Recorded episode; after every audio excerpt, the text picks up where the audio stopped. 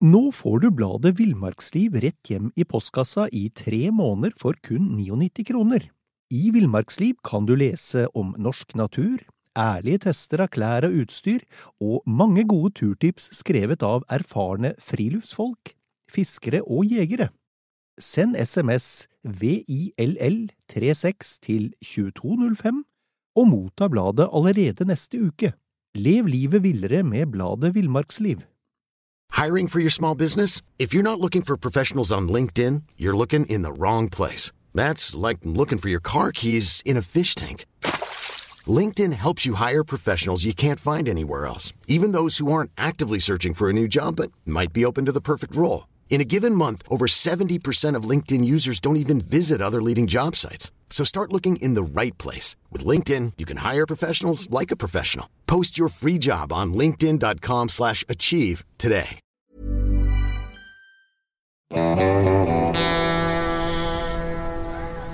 Velkommen til podkasten Villmarksliv. Mitt navn er Halvard Lunde, og jeg er redaksjonssjef i bladet Villmarksliv.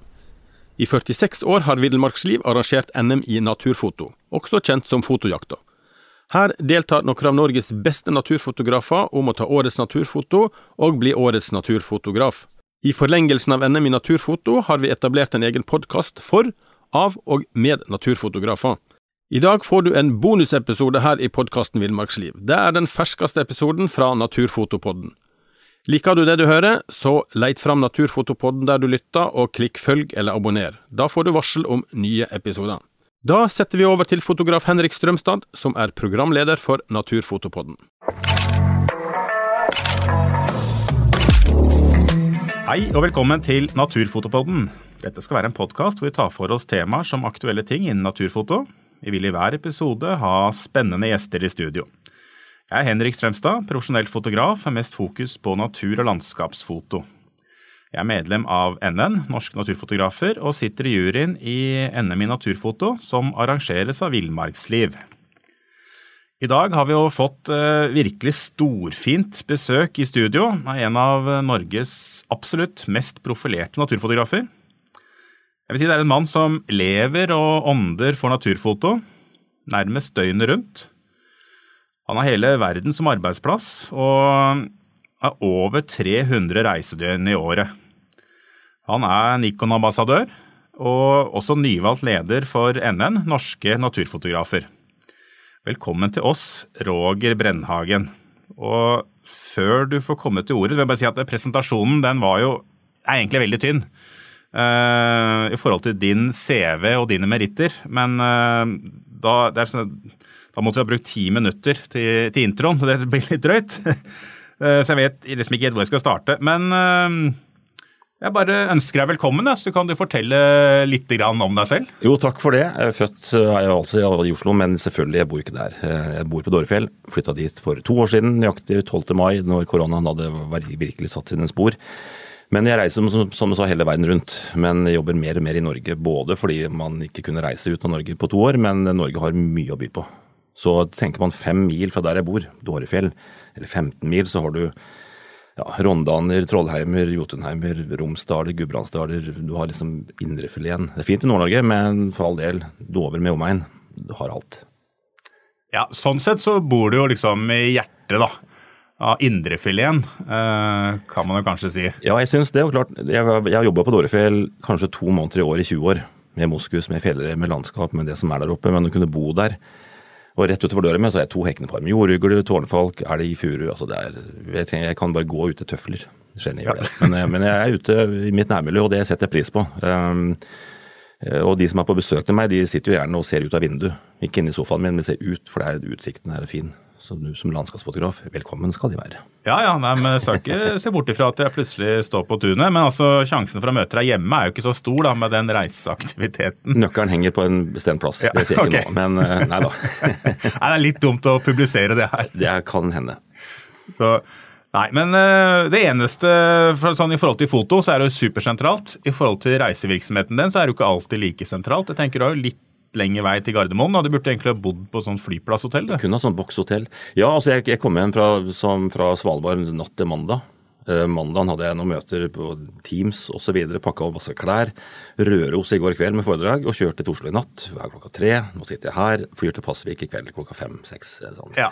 Så for meg å kjøre liksom 40 mil fra Røros til Oslo er liksom Moderen ville sikkert sydd ny bilpute og smurt matpakke. liksom, litt annen uh... og lagt inn stopp. Men jeg tenker at nei, da sitter jeg Jeg vet at etter foredrag så da er man liksom litt oppe. Jeg får ikke sove med en gang uansett.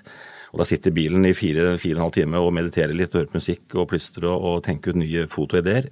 Syns jeg er helt fint. Så det er en måte hadde jeg sittet på, hatt jobba her på huset, Egmont for den del, og hatt kontortider åtte til fire, jeg hadde tatt en teskje og gravd ut pulsåra fra håndleddet. Samme køen hver morgen. Det hadde vært, det hadde vært slitsomt, det.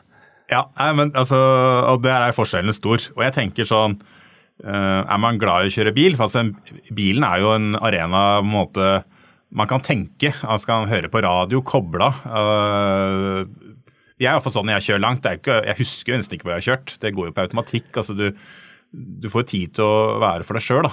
Ja, men også når, i natt har det mørkt når jeg kjørte bil. Men skal jeg til Oslo eller til Gardermoen, Værnes, hvor som helst, så kjører jeg gjerne i fotolysetida. lysetida. nå er det jo den til 11 på kvelden, halv tolv kanskje, ja. hvis du er heldig. Men da jeg kjører i omveier, gylne omveier, så jeg kan se Jeg har alltid 600 i fanget. Og er det et eller annet som skjer, så er jeg klar. Ja. Så det er ikke bare en, en fraktetappe eller, eller sånn. Nei jeg prøver å legge inn og kjøre de der jeg vet det er fint. Ja, I hvert fall de områdene der også, da, altså når du kommer altså, nedover altså fra Fjell-Norge da, og ja. ned mot sentrale deler, så er det jo utrolig mye spennende man kan se. Absolutt. Eh, og når du da kjører midt på natta, så skal du jo ikke rekke noe, så da kan du jo stoppe en time eller to hvis det skal Nei, men altså jeg har da 70-200 i, i, fanget på 60 sekund, blender 2.8 og 3002 ISO, og med lipen med gode lykter, så er det en ulv i veien nå, så tar jeg bildene. Du tar den i samme slengen? Ja, ja. det går fint. ja. Nei, det er derfor jeg sier at det er jo litt stas å, kunne, altså, å få tak i deg, fordi at du har et veldig strengt eller tett program. Eh, og når jeg ringte deg og spurte om du hadde lyst til å være med i podkasten, så var du jo positiv og løsningsorientert.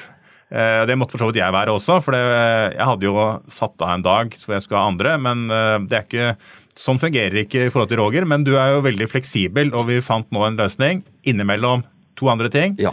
Noen ville kanskje valgt å bare ligge på sofaen den halve dagen jeg hadde fri denne uka her. Men uh, det, det, var ikke dine tanker? Nei, fordi altså, jeg, jeg er jo som deg et ja-menneske. Men jeg er fullbooka nå inn i 24-25. Altså ikke hver dag, men de store ekspedisjonene, store turene, lange turene. Men så har jeg jo ekstremt mange foredrag. Jeg har kanskje mellom 80 og 100 foredrag på et år. Ikke koronaårene, men sånn normale år. Masse workshop. Det, det skjer mye, men, men, det er jobben min, så jeg syns at det Og jeg er egentlig litt lei av det spørsmålet som jeg får hver dag. Eller ikke spørsmål, det er mer en, en betraktning eller konklusjon. Nå må du være sliten, Roger. Nå, har du vært, nå, du, nå burde du vært sliten. Så ser jeg rart på dem. Hæ? Skulle jeg være sliten? Ja, du har vært på reise og ja, og så? Jeg er vant med det. Altså, jeg har alltid gjort det. Nok en gang hadde jeg jobba på kontor fra åtte til er det fire-fem jobber eh, hver dag. Hele livet så hadde jeg nok en gang Jeg hadde, jeg hadde klart det en uke, men jeg er vant med at det skjer ting hele veien. Og de som kjenner meg godt, de vet at jeg sitter med Mac-en på fanget fra jeg våkner til jeg har lagt meg nesten. Eh, skriver artikler på bøker, eh, svarer på mail, planlegger nye workshop, nye turer hele tida. Og mine profesjonelle kunder de er på telefonen mandag til fredag. Da jobber de. Men jeg selger mye bilder til hyttefolk, eller de som er på privatlivet. Og de er jo på hytta si lørdag kveld etter to gin tonics og sier nå må vi ha nytt bilde på sofaen. Nå måler vi, og så ringer vi Brennhagen. og da kan ikke jeg være sur klokka halv ti på en lørdag at nei, jeg må selge et bilde til 10 000. Det orker jeg ikke. Så jeg er alltid på, og for meg er det positivt. Altså, ja. Jeg er alltid på, og hvis jeg ikke er på, så da, da tar jeg ikke telefonen. Og det er ytterst sjelden. Da er jeg sliten. Ja. Nei, men Det er jo også sånn eh, Når man driver for seg sjøl, så, så, kan du jo ikke Nei, i dag vil jeg ikke, vil ikke ha noe med kunder å gjøre. Eh, altså, da, da, blir du ikke så gammel i gamet. Altså, du må på en måte være litt på hugget. Eh, eh så klart, Det er lov å være opptatt, og det er lov å skru av telefonen. Det er det. Eh, og det gjør jeg i fotoskjul. Ja, men ting vil jo da også hopes opp. Eh, og det tenker jeg på for du sa nå, nå har du vært er det to uker på Svalbard? Tre, tror jeg det var. Tre uker, ja. ja. Og dere har vært ute med, vært med båt? Ja. ja. Ingen dekning? Nei. Nei. Eh, da får du ikke svart på mail heller? Nei. Nei. Da hoper det seg opp litt? det gjør det, men, eh, men, det går fint. For jeg hadde ja. en dag innimellom. Men Eh, de som ringer meg får beskjed og brenner på dass, som det heter, så, så er det, de brenner ikke så mye. Men, eh, men, det er hele veien at du må følge opp osv. Og, alle har forståelse. Hvis du svarer på mail etter to uker og sier at beklager, jeg har vært på Svalbard og sett med isbjørn, ja, det går fint. Men, uh, ja, altså skal Du jo, uh, du er naturfotograf, du er jo ikke hjertekirurg, så nei. det er jo ingen som dør. Altså, uh, så liksom, jeg tenker Vi må, må, se hva vi driver med her også. Ja, nei, det er det. Så. Men jeg har bare lyst til å høre. nå har ikke jeg vært på Svalbard på et par-tre år. og det er jo litt sånn Har du vært på Svalbard en gang og er interessert i natur, så blir man hekta. Ja, Du vil tilbake igjen. Du vil tilbake. Eh, men så hører vi jo mye. ikke sant? Isen skal jo forsvinne, isbjørnene er jo snart ikke der lenger. Uh, sånne skrekkscenarioer. Men, uh, men dere så isbjørn? Vi så isbjørn. altså Jeg var ekspedisjonsleder på to ekspedisjoner. Pluss at det var noen dager før, under og, og etter. Um, nå jeg, altså jeg er jo ganske flink til å lese iskart. Og nå er isen ganske så langt sør. På nordvestkysten så ligger fra Virgohavn og Nes, eller opp, så er det is, selvfølgelig og på vestkysten. Så det, det er mye is akkurat nå. Uh, og vi var der, Jeg merka stor forskjell på de to ukene. fordi foran nesten hver uh, isbre ut til fjordene så lå det kanskje fra en ja, par hundre meter til et par kilometer med is. Og de knakk mye opp mens vi var der. For ja. det, det, er, vår, altså det er naturlig. Så vi så vel ti isbjørn på tur nå. Mye hvalross, mye sel. Uh, fuglene begynte å komme i stort antall. Havhester og alt det der. Og selvfølgelig fjellrev og rein. Så, men det er fortsatt rundt 3000 isbjørn. Ja. Så, men at isen forsvinner på sikt, det vet vi at den gjør. Mindre og ja, mindre. Det, det, er vel ikke til å unngå, Nei. sånn som det går nå. Og de vi så av isbjørn, de var så ganske i godt skikk. Så binder med både to unger og én unge, og en del hannbjørn. Og de var, så relativt velfødde ut. Ja. Så de har jo mat, i hvert fall nå, når ja, ja. alle selene føder og ligger på isen. Så lenge de har tilgang på isen, så lever de vel godt. Ja. Eh, dette er jo dem spisskompetanse på. Ja, men, eh, men, klart, jeg tar også de vakre bildene. Prøver i hvert fall. Eh, men i de siste ti åra, eller kanskje lengre tid, så har jeg brukt mer og mer tid på å ta de altså ikke de stygge bildene, men de fortellende bildene. Ingen vil ha en, en utsulta bjørn hengende på veggen. Men jeg har de bildene jeg også, så jeg kan bruke dem til WWF, som jobber tett sammen med, eller andre skriver artikler om klimaforandringer, og da viser jeg bare bilder av Eller ikke bare, men viser de bildene som ikke er så pene. Fordi mange av våre kollegaer de tar jo bare de vakre bildene, og, og ære være dem for det. Men jeg bruker mye tid på å ta de ikke så kall stygge bildene, som forteller hvordan det står til med vår natur. Og det står ikke så bra til. Nei, ja, og Det er kanskje litt viktig for oss som naturfotografer. Har et litt ansvar der. Altså, Vi skal ta de pene bildene, men eh, noen eh, tar jo bare de pene bildene. Men å, å ta de andre bildene òg det, er kanskje ikke, sier, det er kanskje ikke det du legger ut på Facebook for å få flest likes, men Eh, for å vise det og dokumentere eh, hva som skjer da, med naturen vår. Ja, så lenge, også, så lenge naturen vår ligger på bordene til politikerne, dessverre, og der er det ikke mange som kan så mye, da er det viktig at vi som velgere kan, eh, sånn som du og meg og mange andre, kan påvirke våre naboer, våre sosiale venner, og fortelle at sånn ser det ut når du lager en, en vindmøllepark, som det så pent heter, eller at ja, forsøpling i havet, det finnes mange stygge, stygg bruk av norsk, norsk natur. Og kan vi påvirke der innenfor alt fra forvaltning til videre, så er det vi som velger de som faktisk skal bestemme seg for at vi skal bygge ned eller ut eller bort eller fjerne ting eller så, Men nok en gang, det, jeg syns det er viktig at de bildene må bli tatt og fortalt historier rundt om og med. Og klart med mine foredrag, senest i går kveld i Røros, så snakker jeg litt om rovdyrpolitikk. Eller forvaltning. Ja. Jeg står ikke og peker finger, men jeg bare viser bilder, og så forteller jeg min opplevelse med ulv, bjørn og jerv og isbjørn for den del.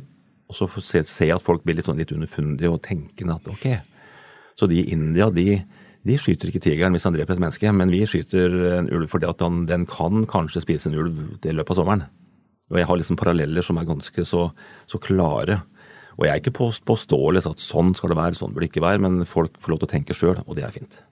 Jo, ja, men det, det, tror jeg er kjempeviktig at vi gjør det med de menneskene, enten holder foredrag eller bare snakker med naboen din, ja, ja. eller møter noen. Bare forteller det er noe sånn som vi, men, vi som driver med naturfoto, vi har jo mest sannsynlig mer erfaring da, med, med, dyr enn andre folk. Og, og bare fortelle de småtinga at uh, altså Ulven for eksempel, fremstilles jo som relativt farlig når det står i dagspressen eller VG, sånt, og så er det alt sånne stygge overskrifter. Mm. Uh, så, så, min mor hun tror at ulven er det, er det styggeste dyret som fins. For den jo, dreper jo søte lam. Mm. Uh, så vi har jo noen oppheta diskusjoner. For at ulven finnes jo ikke farlig for mennesker. Eh, det hender at han tar søte lam, men det er ikke så veldig ofte det heller. Uh, Nei, altså jeg vet jo uh, en sauebonde som kanskje får, hvis søya får tre lam, så går det ofte at de tar bakbein og slenger den sauen i veggen, fordi jeg vet at det kan bli kopplam, og det er for mye jobb.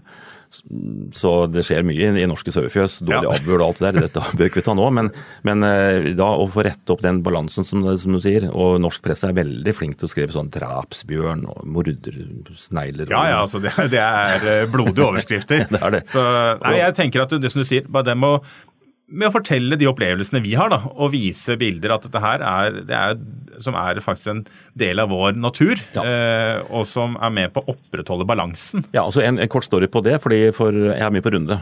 Jeg drar dit nå neste helg igjen og helgen etterpå med workshop, men jeg har gjort det også snart 20 år. Eh, for fem-seks år siden så nok en gang havsulekolonien på runde. Der er det, For elleve år siden så var det ca. 20% av redene var fylt av søppel fra havet som regjermateriale. I fjor var det 90 eh, men da for fem-seks år siden så kjørte Dagbladet og NRK egentlig alle norske aviser mine bilder og min story på åssen det her har blitt. Og det tok Dagbladet helt opp til fra fylkesmannnivå opp til fiskeriminister og statsminister. statsminister. Eh, og resultatet av det var at vi fikk et strengere returbru, eller returordning for fiskebruk, dvs. Si fiskegarn, altså not og alt det der. Og da er ett bilde litt sterkere enn en del tusen ord.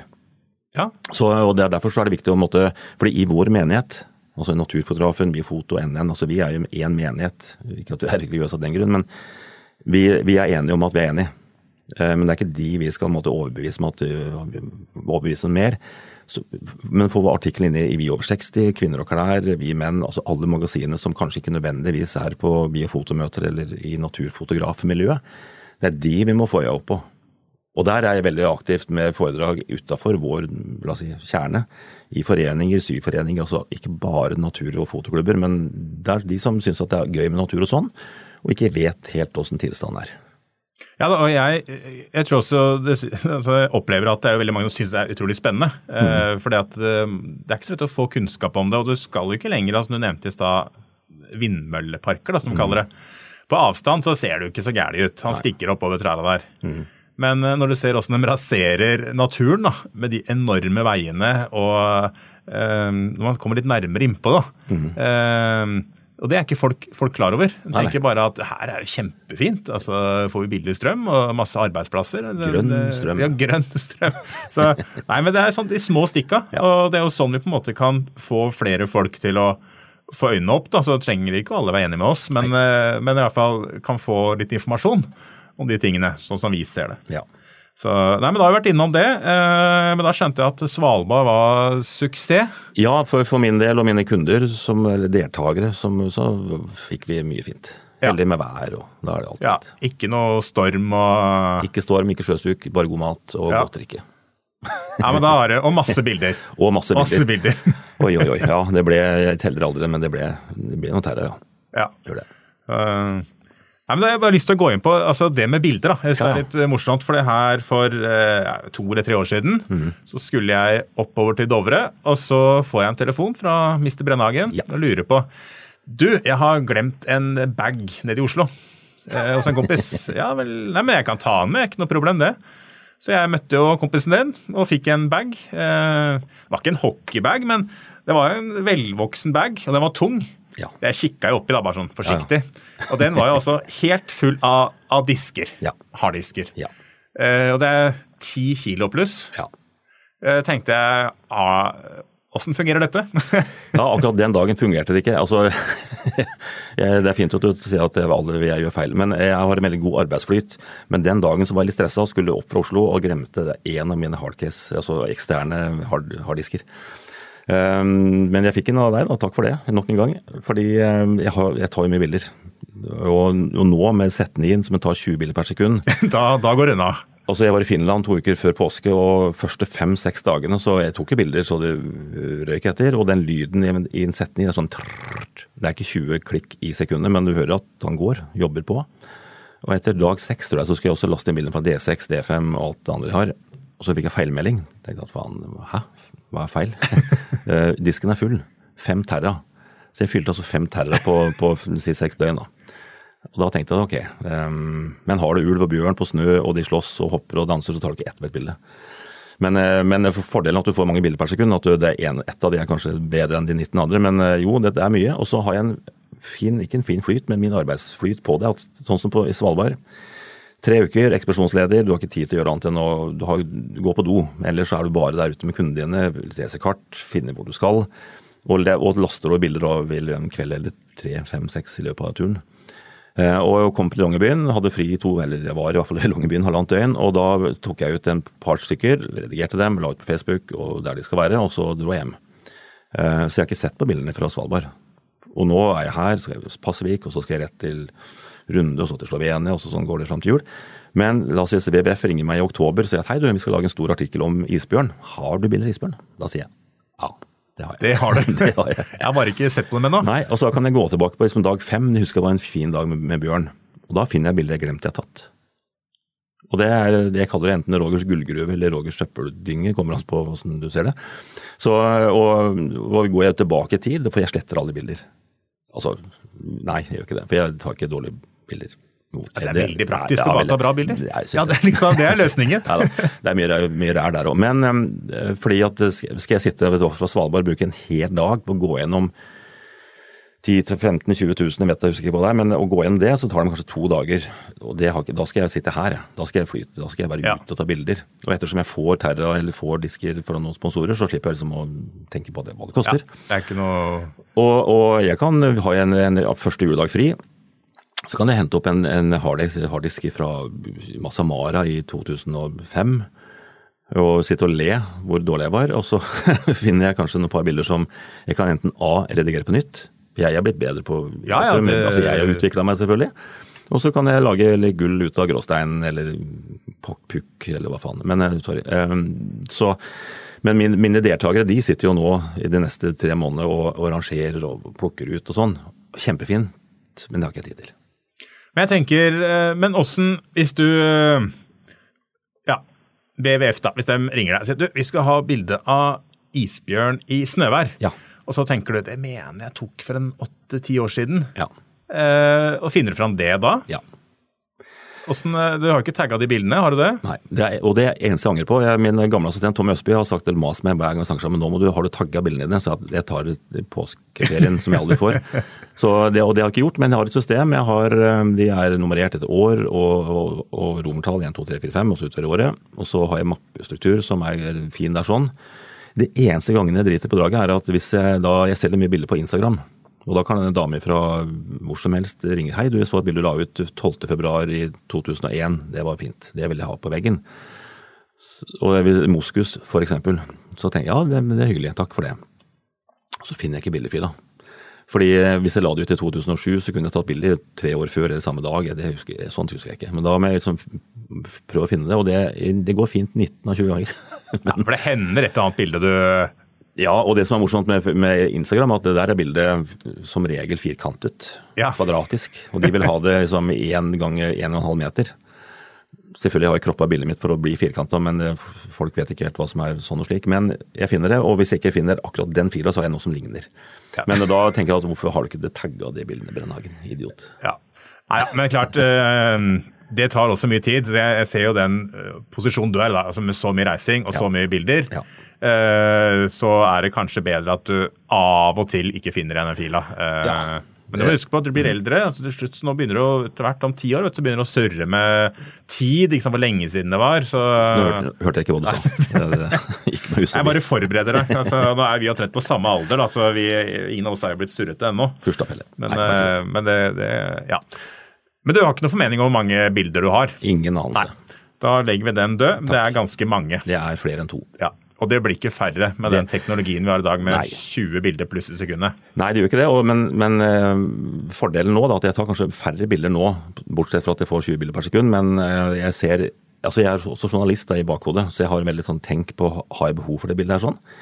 Um, og er jeg la oss si, i Kenya ved en workshop, og noen blir ifra seg over en løve som står i hardt motlys, og det er liksom egentlig, egentlig ikke noe å jobbe med, vi har bilder som er fine fra før. Da lar jeg de få lov til å utnytte den muligheten. De kan fortelle dem hvordan de skal gjøre det, men jeg har bilder som er bedre. Så jeg er, nok mer selektiv i, ja. i gjerningsøyeblikket, ja. eh, tror jeg nok. Ja.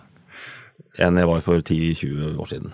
Ja, nei, men Man blir jo litt klokere etter hvert på en måte på sånne ting. Altså, du, du ser kanskje de bildene det man som du sier, ikke trenger å ta. da. Ja. Jeg, har, jeg har mange situasjoner som er nesten like, men bedre. og da eh, kan man også Det er jo faktisk fint når du er ute og av og til kunne se dyreliv uten å se det i søkkelen. Ja da. uh, Absolutt, men det jeg også blitt flinkere, er at jeg leser situasjonen. Uh, Om det er bjørn i Finland eller isbjørn eller havørn eller hva som helst, så kan jeg se an situasjonen og, og forutse hva, hva som kan komme til å skje. Men klart sitter du i fotoskjul en hel dag, så sitter jeg og ser med kamera. For hvis du ser ut gjennom vinduet, jeg gjør det ofte, men og ser plutselig at det kommer en ja, skal jeg si, spurveøyk og tar et skjære, så da er det for seint. Hvis, du- hvis du ikke ser Ja, ja, nei, ja, det, det, det er overblikk. Så Ja, Nei, altså det, man, man eh, lærer jo, heldigvis. Man får erfaring. Og da er tar man kanskje som du sier, litt færre bilder av situasjoner, så kanskje du får bedre bilder fordi at du faktisk leser situasjonen. da. Ja. Eh, Og det er jo Første gang du skal fotografere en art, så er det jo egentlig bare det er det jo bare å få den på brikka, først og fremst. Ja. Og så for hver gang du fotograferer det samme dyret på nytt, eller fuglen, Ja. eh, så kan du på en måte være litt mer kreativ, tenke litt, eh, og, og få mer kunnskap om den arten. da. Ja. Men klart med den nye setningen som jeg har hatt en stund, klart når jeg fikk den, så da, da, bruk, da øvde jeg meg mye med den. Altså på vanlige arter hjemme på tunet øh, på Dårfjell. Bare for å bli kjent med fokussystemet og liksom at det sitter i fingra. Så den dagen jeg skal ut og fotografere på ordentlig, for å kalle det, så da er jeg liksom, sitter det nye systemet i fingrene. Så jeg øver, leker mye, selv Ja. om jeg jobber med det hver dag. Og det er også et bra tips, tror jeg. For jeg tror en del kjøper seg nytt kamera og drar rett ut, liksom. Eh, og selv om det er samme merke, så er det annerledes. Ja, det er alltid litt forskjellig. Og hvis du har, er vant til at ting sitter i fingra, Mhm. eh, så øv. Da kan man jo dra på tunet, eller bor i Oslo-området, kan du dra på Østensjøvannet og Ja. fotografere der. Få action, test ut. Mhm. eh, sånn at ikke du gjør det når det kommer en ørn På ordentlig. eller en ulv første gang. Ja, ja. Så. Nei, altså det, Du er aktiv, det er ikke noe tvil om det. Men allikevel så brenner jo for norsk naturfoto. Så nå i vinter så blei du jo valgt som leder av NN, Norske naturfotografer. Det stemmer. Gratulerer så mye. Tusen takk. Det er jo et, uh, vil jeg si, et litt sånn ærefullt verv innen norsk naturfoto. uh, Å lede liksom NN. Ja, og det er hyggelig at det ble. For jeg vet at for 20 år siden jeg begynte som profesjonell naturfotograf, så fant jeg da NN på internettet, som det het da. Eh, Riktignok i sort-hvitt og, og fine farger. Eh, Så ja, men det er forening for meg. Det er, det er yes. Og så søkte jeg meg opp og, og hva jeg måtte gjøre for å bli medlem. Så tenkte jeg at nei, jeg venter litt til, jeg. For jeg hadde liksom, det skjønte at jeg hadde litt for høyt uh, syn på meg sjøl. Eller jeg, jeg skjønte, jeg trodde jeg var mye bedre enn jeg var. Men, så, men NN har alltid hengt høyt, da. Um, så ble jeg tvunget til å melde, melde meg inn for er det fem, noen år siden. Um, men ja, jeg er, jeg er stolt av, av det, fordi at det er jo 76-77 medlemmer. Alt fra Sverre Felstad som eldste til Arne Nævra som litt eldre enn meg, og oss to og mange dyktige fotografer. Og, og, min jobb som leder, eh, det er å måtte, altså Hvis du ser statutten til NN, vi skal måtte fremme det norske naturfotografiet. og Ikke noe fagforening, eller sånn sett, men mer interesseorganisasjon. Og ettersom jeg er ganske ambisiøs på mine egne og andres vegne, så vil jeg gjøre den jobben så godt som mulig. I forhold til å legge til rette for at yngre folk kan komme seg opp og frem. eh, Hjelpe kollegaer for å komme seg opp og frem. Og, og se, lage utstillinger, se på samme mulige samarbeidspartnere med våre svenske kollegaer. Svenske naturfotografer. Da. Så det det er mange, mange knagger å henge seg på. Ja, ja det, er, det er jo en eh, viktig jobb. Og for de som kanskje ikke kjenner NN altså Det er jo en forening for nå vet jeg ikke akkurat det står, men altså for profesjonelle eller delvis profesjonelle naturfotografer. Ja. Og for å kunne bli medlem så må man søke om opptak. Ja. Man må sende inn et visst antall bilder. 100 bilder. 100 bilder. og så- Arbeidsprøver og økonomi de siste to årene. Ja. må du vise til at du har en, en produksjon. Ja. Eh, Men klart, hvem kom først, høna eller egget? Altså for en ung eller yngre fotograf på i 20-åra, eller en jente på 18-20 år, så kanskje ikke de lager to bøker og har 100 bilder som virkelig drar skinnet av pølsa, eller hva det man skal si. Eh, Så der ser vi også at eh, ser vi talenter, så har vi også fått inn noen, av de. Fordi vi er jo en gammel gjeng med gubber og noen få damer, dessverre. Vi burde vært mye mer damer. Jeg kjenner mange som burde vært der. Så, men det er, det er ikke noe sånn Noen ser på NS som en sånn gubbe eliteforening av gamle sugger som, som klager på at alt var mye bedre før. Men eh, det er vi også ikke. Vi, en, eh, vi, vi, har mye på gang, og vi gjør mye fint. Og så har vi mange, mange forskjellige fotografer. Du er landskap, jeg er kanskje en sånn typisk wildlifer, som det kalles. Vi har professor i geologi og biologi, vi har forskere, vi har um, folk som kan bare slanger og ikke noe annet. Så vi, vi kan bruke hverandre internt på samarbeidet på et prosjekt, uh, innhente informasjon til bøker, artikler. Så det er en sånn altså vi, vi, Jeg hadde sikkert kjent deg like godt selv om ikke vi var NN. Men fordi vi har den plattformen felles, så er det lettere å ta den telefonen på mandag morgen eller spørre om de tingene vi gjør. Fordi det skal være en, en interesseorganisasjon for vi som brenner for det vi gjør. Ja, absolutt. Og jeg tenker at uh, um, både du og jeg som da lever av foto, uh, og vi omgås jo folk, men vi er jo også si, altså, Det er en sånn ensomt yrke. Uh, så det på en måte å kunne hvis jeg får en forespørsel da, på en sånn spesiell bildebruk, mm. at jeg kan uh, ringe til en en NN-medlem, ikke sant? en som har litt erfaring. Ja. Hva, hva, tenker du om det? Han, han tilbyr meg det. Mm. Jeg syns det virker litt rart. ikke sant? Så har kanskje du en annen erfaring, og så, så kan man bruke det. Liksom, det, det, er mine, det, er, det er kollegaene dine, ja. uh, som siden vi jobber mye for oss sjøl, at vi kan, kan, utveksle erfaringer. Ja, og, og, vi får jo faktisk en del henvendelser fra, fra Media-Norge som vet at NN fins. Eh, som trenger et spesielt bilde av en art eller hva det måtte være. Da får vi den, og da kan jeg, eller vi i styret, eller jeg sende den til deg som har landskapet, eller han som har slangene. Eh, eller at vi kan selvfølgelig, ja, har ikke jeg bilde i min eh, database, så har kanskje du det. Da er det lettere ja. å, å, sende til en kollega du kjenner, også innenfor NN-systemet, men det er ikke noe sånn er, Du er ikke utelukka i mitt nettverk hvis du ikke er medlem der. Nei, men, ja. Men men jeg syns det er viktig. Vi har fått inn litt yngre medlemmer nå. for altså Hvis du går ti år tilbake, da, mm. så var det litt sånn forgubbing ja. på gang.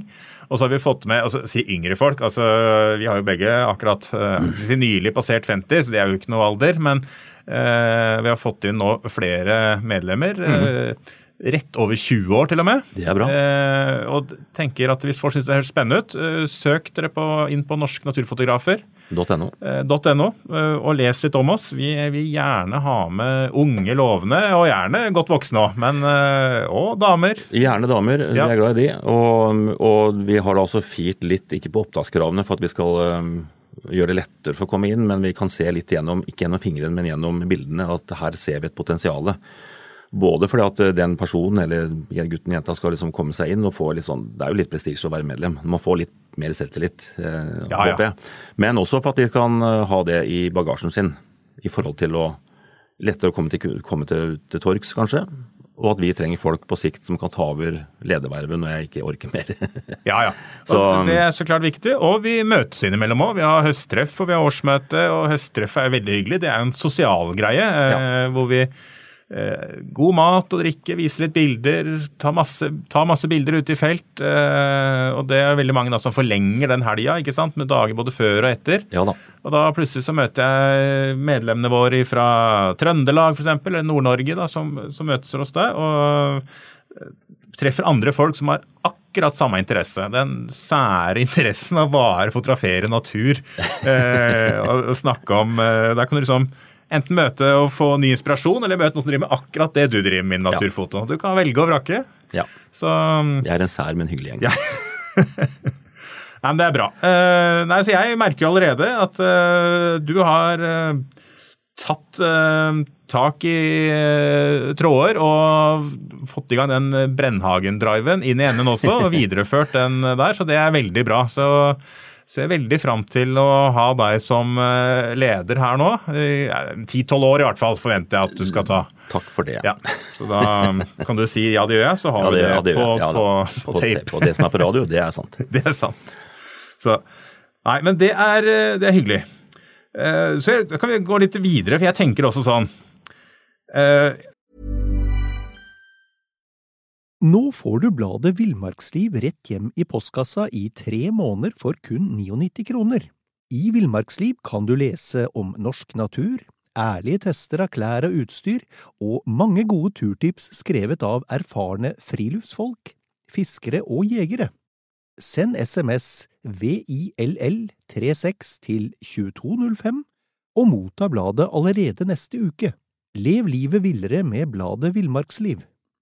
I'm Sandra, and I'm just the professional your small business was looking for. But you didn't hire me because you didn't use LinkedIn jobs. LinkedIn has professionals you can't find anywhere else, including those who aren't actively looking for a new job but might be open to the perfect role, like me. In a given month, over 70% of LinkedIn users don't visit other leading job sites. So if you're not looking on LinkedIn, you'll miss out on great candidates like Sandra. Start hiring professionals like a professional. Post your free job on linkedin.com/achieve slash achieve today. Jeg tror veldig mange tenker at uh, naturfotograf på heltid, det må være drømmejobben. Ja. Uh, og jeg har jo også, Du har gjort dette i mange år. Jeg hoppa yrkeskarrieren min for drøyt tre år siden. Jeg hadde sånn åtte til fire-jobb. Uh, Kondolerer. ja, det. Eh, og, og bare tenkte at skal man gjøre det, da, så må du på en måte Du må ta en sjanse. Ja. Uh, og det er ikke bare, bare solskinn, men uh, Og jeg har ikke angra et sekund. Nei.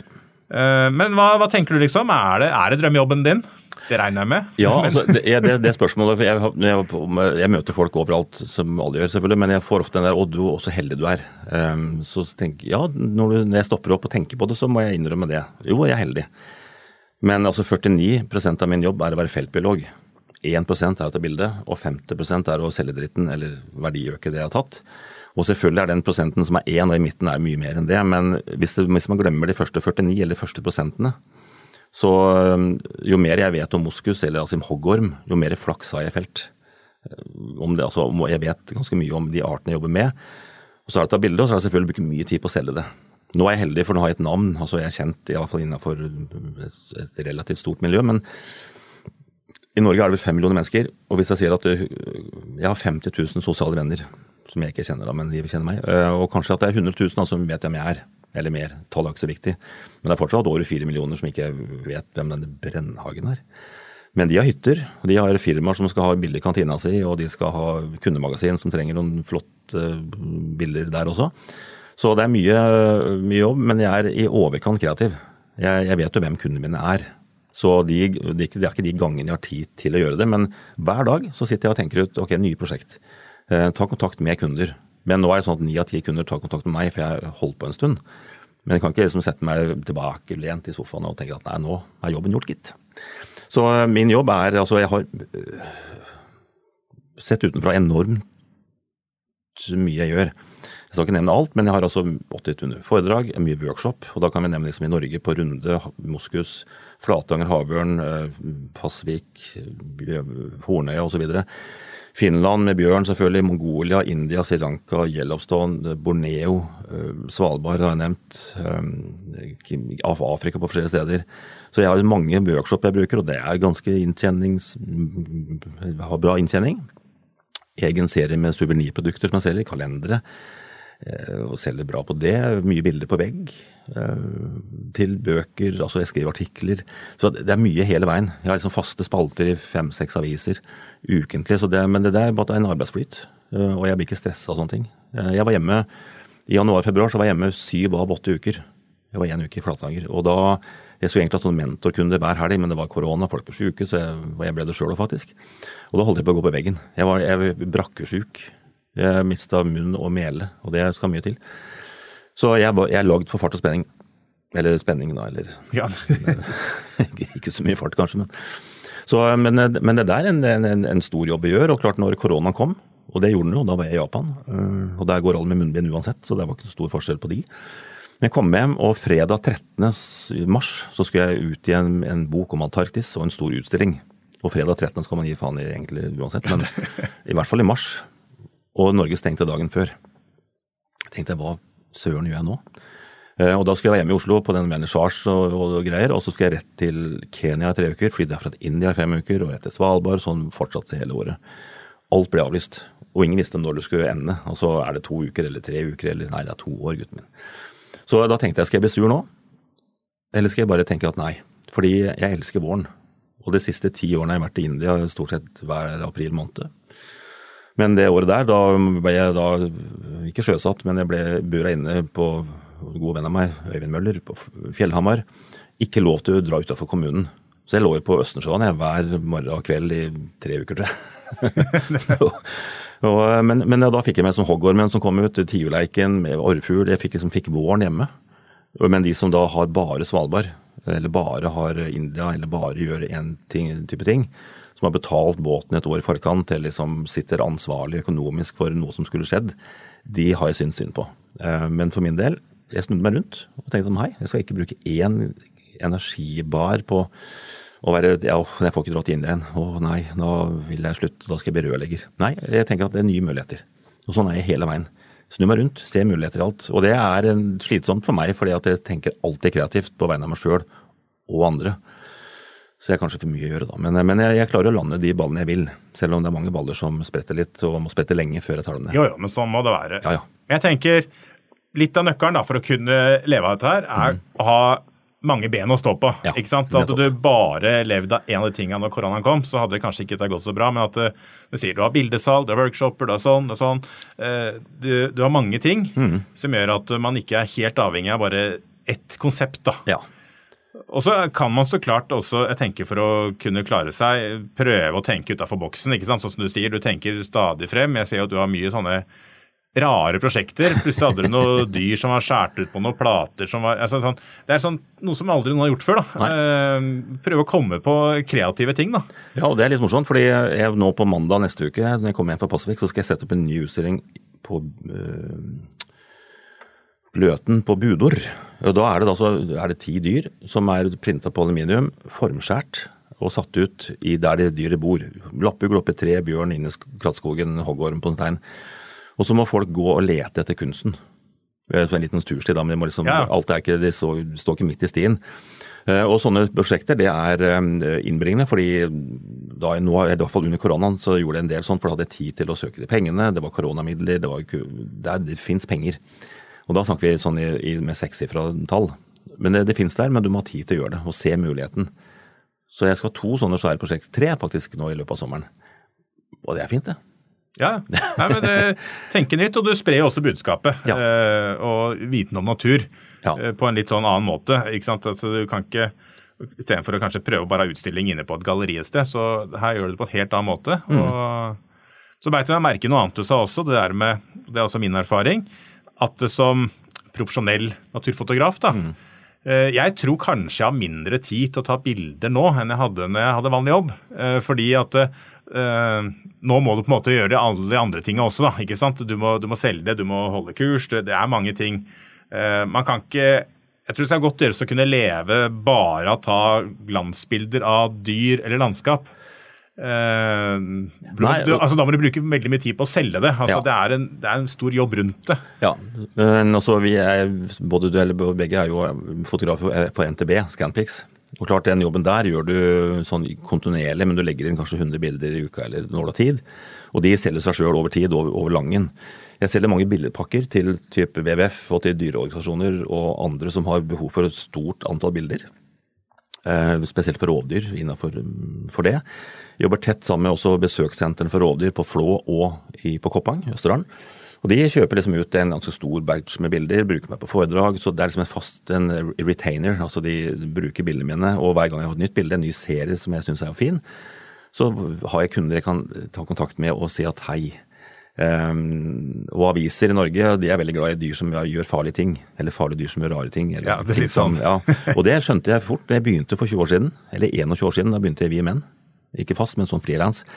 Og jeg skjønte at vi menn de har sånn vi menn-stoff. Det var klatring i gruver og det hoggorm som gjorde rare ting. Så, så, det er lettere å selge farlige dyr kontra søte dyr. Så jeg måtte bli sånn slangemann av, av, noen, selv om vi har også Tor Håkonsen som er enda verre, men, og Tom Dyring. Men, men slanger, og i, i, internasjonale mediebyråer har jeg en, eh, noe rart morsomt fra naturen. Rett på Mercury Media, og så går den worldwide. Så det er liksom å etablere seg på å se mulighetene. Ja. Fordi det er mange, og vi har kollegaer som, som, er flinkest på å ta bilder, men de sitter og venter på at kunden ikke ringer. og det gjør de ikke som regel, det er mange av oss. Men er man liksom litt framoverlent og ser muligheter og Jeg vet jo at jeg, for, jeg flytta til Sverige for åtte år siden og måtte etablere meg på nytt i et nytt land. Kjempespennende. Så var det en, en januaruke eller sånn, så sier jeg til når jeg bodde sammen da, at um, det var litt sånn trått. Og så googla jeg ned alle magasinene først. Jeg begynte i Sverige, også Finland, Danmark, England, Tyskland, Nederland. Også foto- og villmarksmagasiner. Og sendte ut en sånn en pitch, som det heter, om meg sjøl, og la med tre ålreite bilder. Jeg tror jeg sendte ut eh, første gangen si 50 pitcher, og 23 gikk inn. Og det var sånn tredagers jobb. Jeg satt i sofaen og bare googla liksom mye sånn søkearbeid. Og det er 23 kunder som er retainere, som kjøper nye ting i USA. Ja, men tar man jobben, og, og det, vi vet jo hvem som er kunden, hvem som liker naturfoto Ja, ja. og bilder. Det er jo, Alle skal ha et bilde på veggen. Eller helt flere, da, helst. Men, så nok en gang, jeg har, jeg har, for, jeg har for mye å gjøre fordi at jeg er kreativ. Er, man bare flink til å ta bilder og ikke kreativ, så da kan jeg se at det kan være litt uh, traurig. Ja, ja, altså Man kan være verdens beste fotograf og ikke selge bilder. Altså, For det er ingen som ser dem på harddisken din, og, og bare å legge dem ut på en fotogruppe på Facebook, det er ikke der du selger bilder. Uh, for de tar bilder sjøl. Ja, nettopp. så, nei, så det, det, ligger en jobb bak det, så det er jo ikke noe tvil om. Så, så hvis, man, eh, hvis noen tenker på og har lyst til å prøve, så tenk at det er, det er ikke bare å ta bildene. Altså Du kan ta verdens fineste bilder, men man må også selge dem. Altså ja. Man må skape sin egen omsetning og må prøve å være litt kreativ. og av og til gjøre noe som ikke alle de andre gjør, mm. Eh, og skille seg ut litt. da. Og, og Godt tips eh, hvis du er på Facebook, og det er sikkert alle lytterne våre. Det er, Hvis du går på min Facebook-side, eh, så vil du se at jeg alltid, alltid, alltid legger ut en tittel på bildet, gjerne morsomt, men også et par-til linjer, faktabasert. Det må ikke nødvendigvis være klippet fra Wikipedia, men skrive din opplevelse av opptakssituasjonen, om dyret og pokker. Og alltid skrive EXIF-data kameramerke, altså typ Z9 og 600 blender 4, lukkertid, blender og ISO, så det står under hva du har brukt, og et filter hvis du har gjort det. da. For det du gjør da, er at du, du For jeg begynte med det her for mange år siden. Jeg, før jeg begynte, så fikk jeg spørsmål på Facebook spesielt. Hei, du, hvilke bilder eller hvilken lukketid hadde du her sånn? Og da tenkte jeg, hva pokker til mas, da? det har ikke du noe med. Men så skrev jeg det, for da tenkte jeg at eh, hvis jeg skriver svaret ned i tråden, på en måte, så ser ikke de etterpå hva jeg skrev lenger opp. Så jeg skrev alltid det, da. Og ting du skriver sjøl, det husker du. Du skrev handleliste til butikken, så husker du alt det som står på lista du har skrevet. Ja, ja, det. Så, så på, mine foredrag så kan jeg nesten på alle bildene mine huske i hvert fall til 90 Extif-dataene, fordi jeg har skrevet ned, eller husker det uansett. Eh, de som, andre som ser bildet mitt, lærer av det. Og jeg har mange følgere og fotografer som lærte noe av det. Punkt nummer tre, det viktigste. De, hvis lokalavisen din ser at du har lagt ut et kjempeflott bilde av en hoggorm, eller et annet dyr, og du har skrevet opptakssituasjonen, du kan litt om arten tydeligvis, eh, og du har skrevet hva du gjorde, da tenker den redaktøren hm, han eller hun, hun vet hva hun gjør. Så hun kan vi kanskje ringe og spørre kan vi få lov til å kjøpe det bildet av deg eh, og lage en fin hoggormsak nå i mai. Ja takk. I stedet for bare å skrive 'hoggorm', snakkes. Så ja. at du profesjonaliserer deg selv på sosiale medier, og det har jeg gjort, alltid gjort det, og det får jeg mye hyggelig tilbakemelding på at takk, for nå lærte vi noe. Ja. Det, det tror jeg er god tips. og jeg ser jo det er mange som bare legger ut bilder og ikke skriver noen ting. Og det syns jeg er veldig uinteressant. Altså, jeg syns det er mye mer spennende når, når folk skriver noen linjer da, rundt, mm. rundt, dette her. Ja. Eh, rundt arten, altså noe morsomt, eller som du sier, også Eh, jeg er ikke noen ekspert på fugler. Så ser jeg kanskje et kult fluktbilde som er litt sånn panorert et eller annet. Mm. Altså, lukkertid, det står jo ja, ja. der, ikke sant? Ok, Han brukte 125 sekund, ja. Mm. Hmm, ja det, er kanskje, det skal jeg tenke på neste gang. Eh, for jeg har ikke snørra peiling på hva jeg skulle brukt. Eh, for jeg tenker det er mye læring å ha med de dataene. Uh, og brukeren Nei, som sagt, jeg, jeg syns det er kjempesmart. Ja, og, og, mine sponsorer, nå, har jeg vært ambassadør i 16 år, jeg begynte i Norge, da var, var vi seks-åtte stykker, tror jeg. Og så gikk jo heller vår bransje går jo nedover, eh, sånn og slik, så Norge ble nedlagt. Eller vil si, Nico Norge ble nedlagt. Uh, og da tenkte jeg at, Da jeg begynte da som ambassadør, så sa de at vi har en rotasjon på ett til to år per ambassadør. Og jeg tenkte at bare ambassadør en uke, så er jeg happy. Altså, den, den tid, den sorg. Men så forsvant én etter én av dyktige norske naturfotografer og fotografer, men jeg ble en til slutt.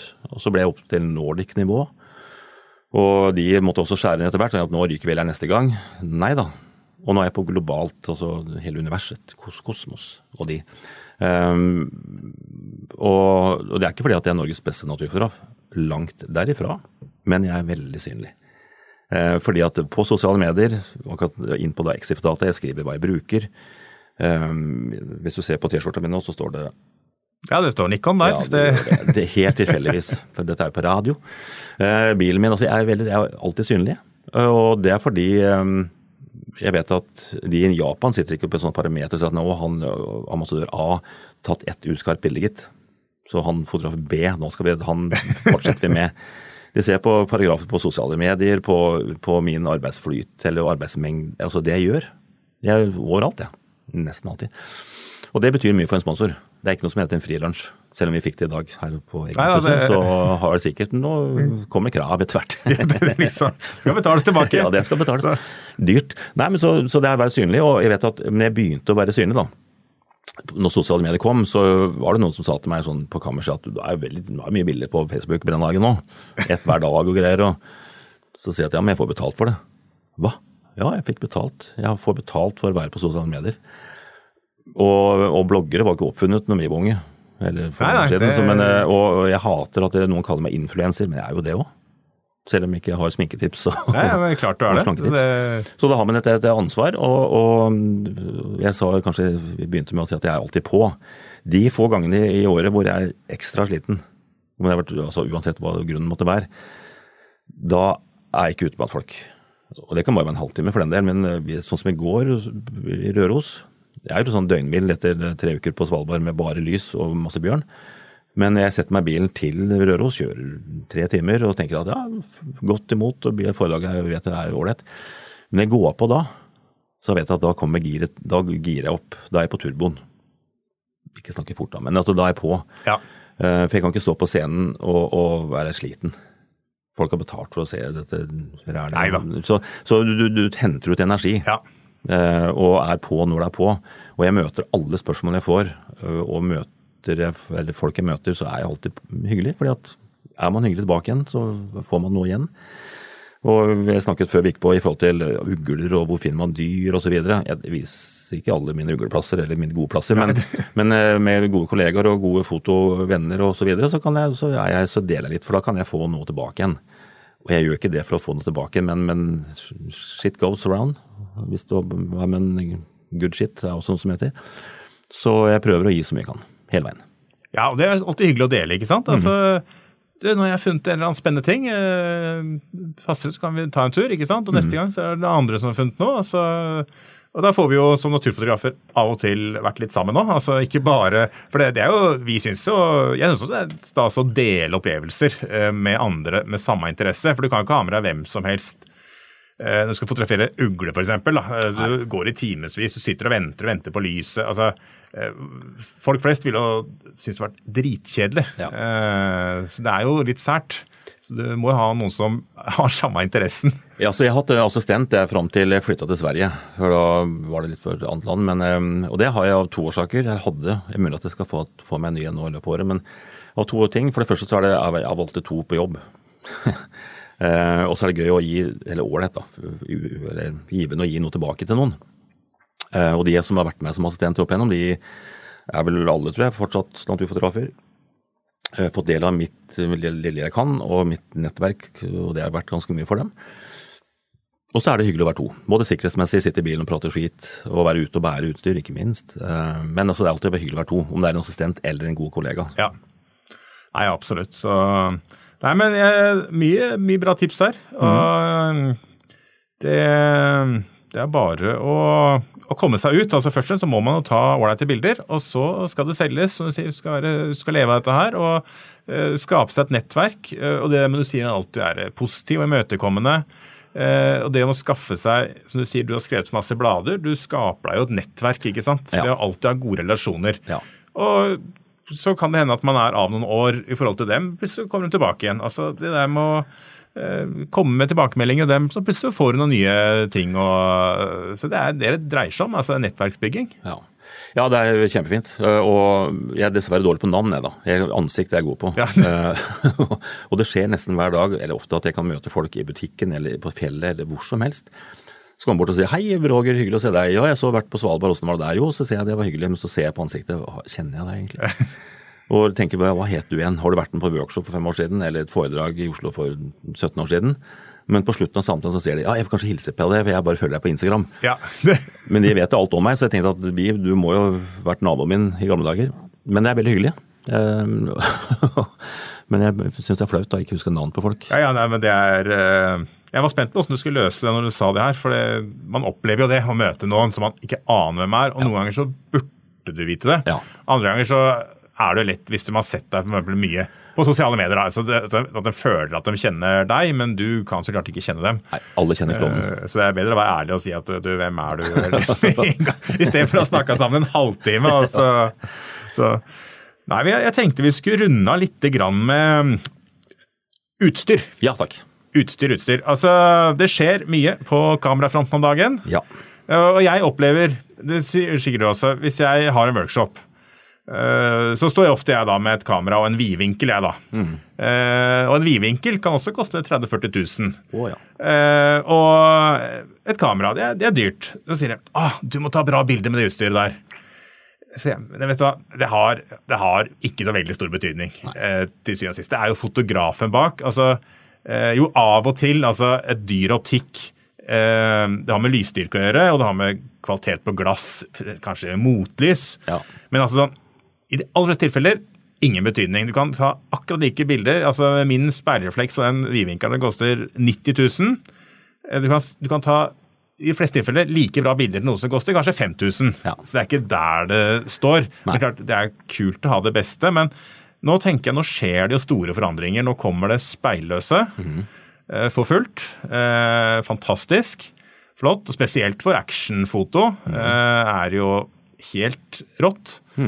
Men jeg tenker hvis man er litt sånn fersk naturfotograf i dag, kanskje skal lyst til å begynne å fotografere ugler, da. Eh, må du ha Må du ha det utstyret der? Nei, altså jeg får ukentlig fem-seks henvendelser fra unge gutter og jenter som har lyst til å bli naturfotograf, eller som er, har hobbyen og har lyst til å bli enda bedre og spør meg om tips. Hva trenger jeg å kjøpe, liksom? Så sier jeg nei, du kjøper en ja, Er du på Nikon, så kjøper du en brukt D5 og en brukt 600 mm. Kanskje ikke versjonen siste, men den nest siste, da. Ja. Og så sier de takk for tipset, og så går det ti minutter, så får jeg en ny telefon. Og sånn, du, det er jo 50 000, jo. Selv brukt. Ja, men du spurte jo. Eh, fordi jeg vet at eh, har man optikk som heter 150-500 eh, av andre merker, så er det funker fint. Helt til du blir med ut til Finland på en workshop. Da sola går ned ni, jeg kan holde på til kvart over ti, halv elleve. De må gi seg kvart over ni, halv ti. Ja. Fordi de har blende 5, 6, 6, 3 ytterst. Og da skjønner du at eh, det er ikke bare brennvidden som betyr noe, det er liksom tallene bak. Ja. Og i Norge er det mørkt fra oktober til april. Og de fleste dyr er, er skumringsaktive slash nattaktive, selv om det er midnattssol. Så um, jeg sier bare at ok, men du sier at du kjøper en brukt 600 da, til 40 30 40 50 000, og en brukt D5 til 15 20 Og det kan du ha i ti år. Eh, Du kan prøve å ha en annen hobby i ti år og ikke bruke si 50 000-60 000. Ja. Spill golf da, eller sykkel eller hva som helst av en hobby. en hobby. Og sist jeg sjekka i Lightroom, så hadde jeg brukt min 600 på var det 74, nesten 75 av bildene jeg tar er med 600 Ja. millimeter. Og det blender fire. Um, ikke alltid på blender fire. Men, så det er det, eh, og du må ikke ha det, men eh, da får du bilder som står ut. Da kan du jobbe litt med bokeh. Du har en kjapp og fin autofokus, du har mange mil per sekund. Du har ISO-verdier opp til 3002 eller mer hvis du har behov for det noen ganger. Så, så skal du bli snekker, så kjøper du ikke en lett hammer på Biltema. Du kjøper en snekker Ja. så du kan banke den spikeren ordentlig. Og litt er det med naturfoto også. Men du må ikke ha det. Eh, workshop på Flatanger har kunder med riktignok var det Canon. Husker ikke merke eller modell, men det var i hvert fall 7300. Litt sånn kastanjettlyd inn når de rista på den. Og hun fikk ikke helt til da første økt, og ble liksom nesten sånn ga opp. Så sier jeg ok, da låner du 180-400 meg i morgen, og så skal jeg bruke ditt utstyr. Ja ja, det var deal. Og første ørn som kom ned, så rant det inn fine bilder på hennes Canon-kamera. Jeg fikk utslett på fingrene mine, men det er en annen sak. Eh, Antibac etterpå. Nei da, kødda. Så, men, men da ble jeg nesten sjokkert. Er, oi, fikk, er det mitt kamera? Du, ja, det er ditt kamera. Altså Alle kameraer opp til da kunne ta samme lukkertid, blendevalg, så det, det kan de samme. Det er liksom bilde per sekund da, som er kanskje, og fokussystem. Og da er vi inne på Z9, R5, eller hva alt Ja. heter av speilløst. Og jeg, jeg var tilbake til Flatanger. Jeg var hos Ole Martin i, rett før jul. Og Da hadde jeg testa ut uh, setningen i forkant, så jeg visste hva som kom. Og han sier da med sin underfundig sånn Ja, Brennhagen skal ikke få speilløs du, da? For alle gutta hadde jo Sony og R5-er og 3-er og så videre. Og så sier jeg på, ja jo da, jeg skal nok sikkert det, men jeg tar fortsatt fine bilder med D5, D6, D850 osv. Ja, ja, ja, ja, ja, ja. Og så sier jeg til Ole Martin ok, hvor mange ørn har du sett stupe? Å ja, haug, haug, 100 000. Jeg har ikke sett så mange, men sikkert sett tusenvis. Og Hvis du tar ned kameraet når du står i båten og ser en havørn, så ser du at han brekker av igjen, og så kommer han fort ned, bremser opp med flapsen ute, og tar fisken hvis han kan, og så er det fort ut igjen. Har du sett på det liksom ti ganger eller 100 ganger, så ser du ok, dette er mønsteret. Og da klarer jeg å følge den ved mønsteret med 800 meter. Altså, jeg, jeg har Ja. sett de fleste bare tar samme farten på kamera som ørn hadde på vei ned, og bare kjører forbi havørnen på vei ut igjen. ja, og så Og så hvor ble den av? Oi, jant. Så det, mitt poeng med det er at du må, det er fortsatt naturkunnskapen som ligger til bunn. Ja. Du må vite om fluktmønsteret til en spesiell art eller hva pokker. Det hjelper ikke med utstyr til 100 000. Og når jeg begynte med workshop for ja, 15-18 mange år siden, så kom gutta da. I 50-åra nyskilte eller unga flytta ut og med seg hadde i bagasjen D4, D3, hva pokker. Alt det jeg hadde. Og tenkte at det er kult, for da har jeg liksom jevnbyrdig ut på tur, og da kan vi liksom ta, ta svartløypa. Så skjønte jeg fort at eh, de kunne ingenting. De sa ok, nå er jeg liksom kommet til alderen at jeg fortsatt er borte osv. Jeg, kan- jeg hadde hobbyen på universitetsdagene, nå skal jeg ha råd til å kjøpe det beste av det beste. Og det har jeg gjort. Lær meg alt du kan, sier dem. Kjempekult. Så eh, det fins i begge leir. Og jeg har- vi har også kollegaer som har D3 fortsatt, 15-16 år gammel. Og den gamle, gode 400-28 som tar bilder som står som en påle. Ja, ja. Det er ikke noe Det er ikke det det står på. Men da Det jeg hører du sier, egentlig altså Hvis man f.eks. Eh, skal kjøpe seg litt utstyr eh, Hvis du liksom kan gi dem et tips, det må kanskje kjøpe en fast brennvidde. Ja. 400-500-600 millimeter. 600. Trenger ikke å være av nyeste dato, fordi at eh, selv de som kom for en åtte-ti år siden, optisk, ikke noe problem. Nei.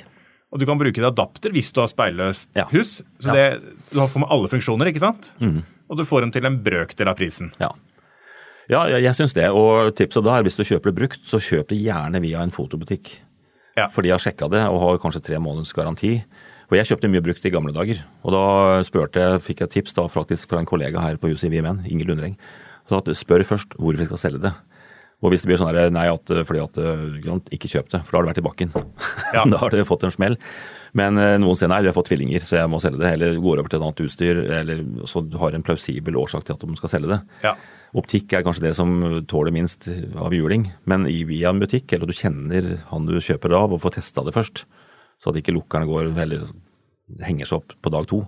Men eh, det er, jeg, det er ikke sikkert at Nikon syns det er fint at jeg sier at du skal kjøpe brukt, men jo, fordi da får du kamera du er, er glad i, som vil det du vil. For det er ofte så når man holder på i noen år, eh, eller en tid, så vil kanskje du som fotograf mer enn stæsjet ditt. Du vil ha liksom, du fikk ikke bilder for du hadde bare seks bilder per sekund, eller 3,5. Eh, Det var litt for mørkt, så 1600 ISO lukter bæsj. så du vil liksom mer. Og da er det på tide å, å ta et hakk opp. Og da vil jeg, Siste påstanden min er at hvis du kjøper optikk som er dobbelt så dyr som det du har tenkt, og et kamerahus som har halvparten av den prisen du hadde tenkt, så har du en god match. ja. For de fleste har veldig bra kameraer, så er optikk som er litt sånn kastanjenøtter og det rister litt, og, og dårlig blender. Og nok en gang, det er mørkt i Norge lenge.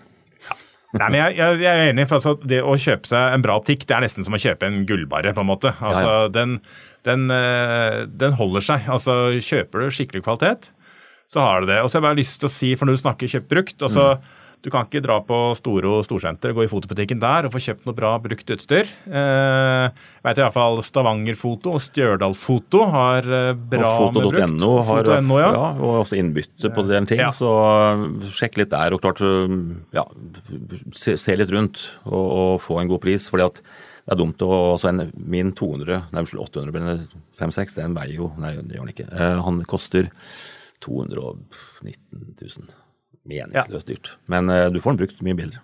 Ja, ja, så det Nei, jeg tenker man skal ikke være redd, og det tenker jeg er veldig god tips å kjøpe hos en forhandler. Da har du litt ryggdekning der, hvis det skulle være noe. Ja. Eh, sånn at ikke den Du sier Jeg selger den fordi jeg har mista den i bakken, og så Ja. får du en så skrangler det. Det er jo ikke noe godt tegn. Neida. Eh. Men med bare lite ankepunkt på, på speilløs, da. Ikke at jeg er mot det, for jeg har, jeg har det jo. Eh, Men hvis man skal begynne å ha pengene, og du får kjøpt en setning, nå er det for få av dem, men fordelen med, med speilløst er at du ser det du ser, er det du får. Så det er lettere i dag for en fersk fotograf å bli fortere flink enn det jeg ble. For du sitter du i mørten og du, er, du skrur deg bort på blender ISO og du er ikke helt på, men Du ser i søkeren, ser i skjermen, dette er det jeg nå får på sensoren. Takk, skal du, det, takk for det. Ja, ja, så det er Så, og, og ikke at jeg er en sånn gammel sur grubbe som at eh, før så satt vi med film, og da måtte vi vente i to uker etterpå og greier.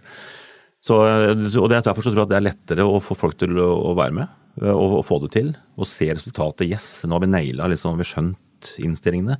Og da vil jeg også si at ikke sett det på halvautomatiske innstillinger. Jeg jobber alltid manuelt på lukker, blender, ISO og hvitbalansen.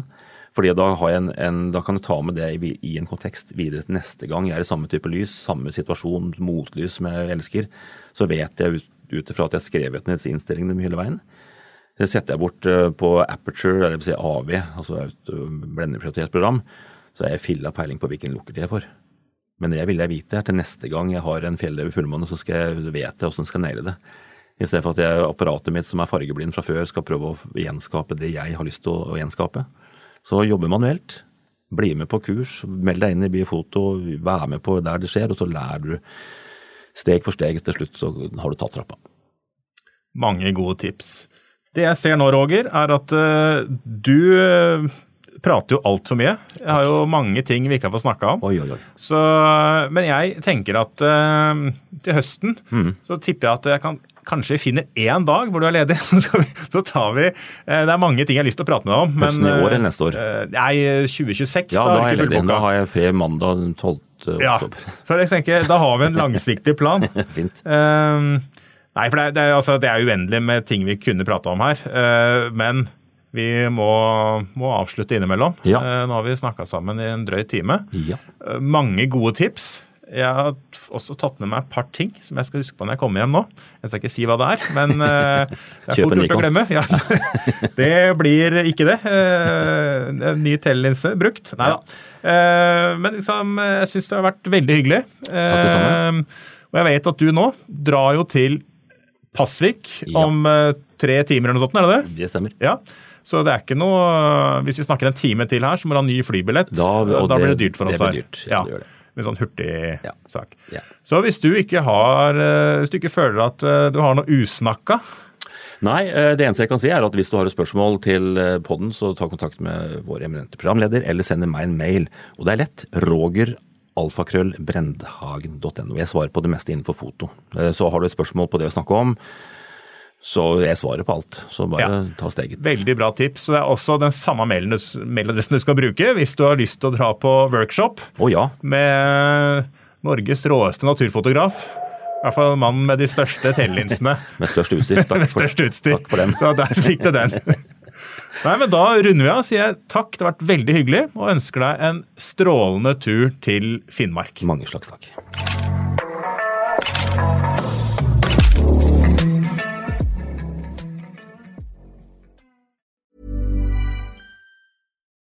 Nå får du bladet Villmarksliv rett hjem i postkassa i tre måneder for kun 99 kroner. I Villmarksliv kan du lese om norsk natur, ærlige tester av klær og utstyr, og mange gode turtips skrevet av erfarne friluftsfolk, fiskere og jegere. Send SMS VILL36 til 2205 og motta bladet allerede neste uke. Lev livet villere med bladet Villmarksliv. Ever catch yourself eating the same flavorless dinner three days in a row? Dreaming of something better? Well, HelloFresh is your guilt-free dream come true, baby. It's me, Kiki Palmer. Let's wake up those taste buds with hot, juicy pecan-crusted chicken or garlic butter shrimp scampi. Mm. Hello Fresh. Stop dreaming of all the delicious possibilities and dig in at HelloFresh.com. Let's get this dinner party started. Hey, it's Paige DeSorbo from Giggly Squad. High quality fashion without the price tag. Say hello to Quince. I'm snagging high-end essentials like cozy cashmere sweaters, sleek leather jackets, fine jewelry, and so much more. With Quince being 50 to 80% less than similar brands. And they partner with factories that prioritize safe, ethical, and responsible manufacturing. I love that. Luxury quality within reach. Go to quince.com slash style to get free shipping and 365 day returns on your next order. Quince.com slash style.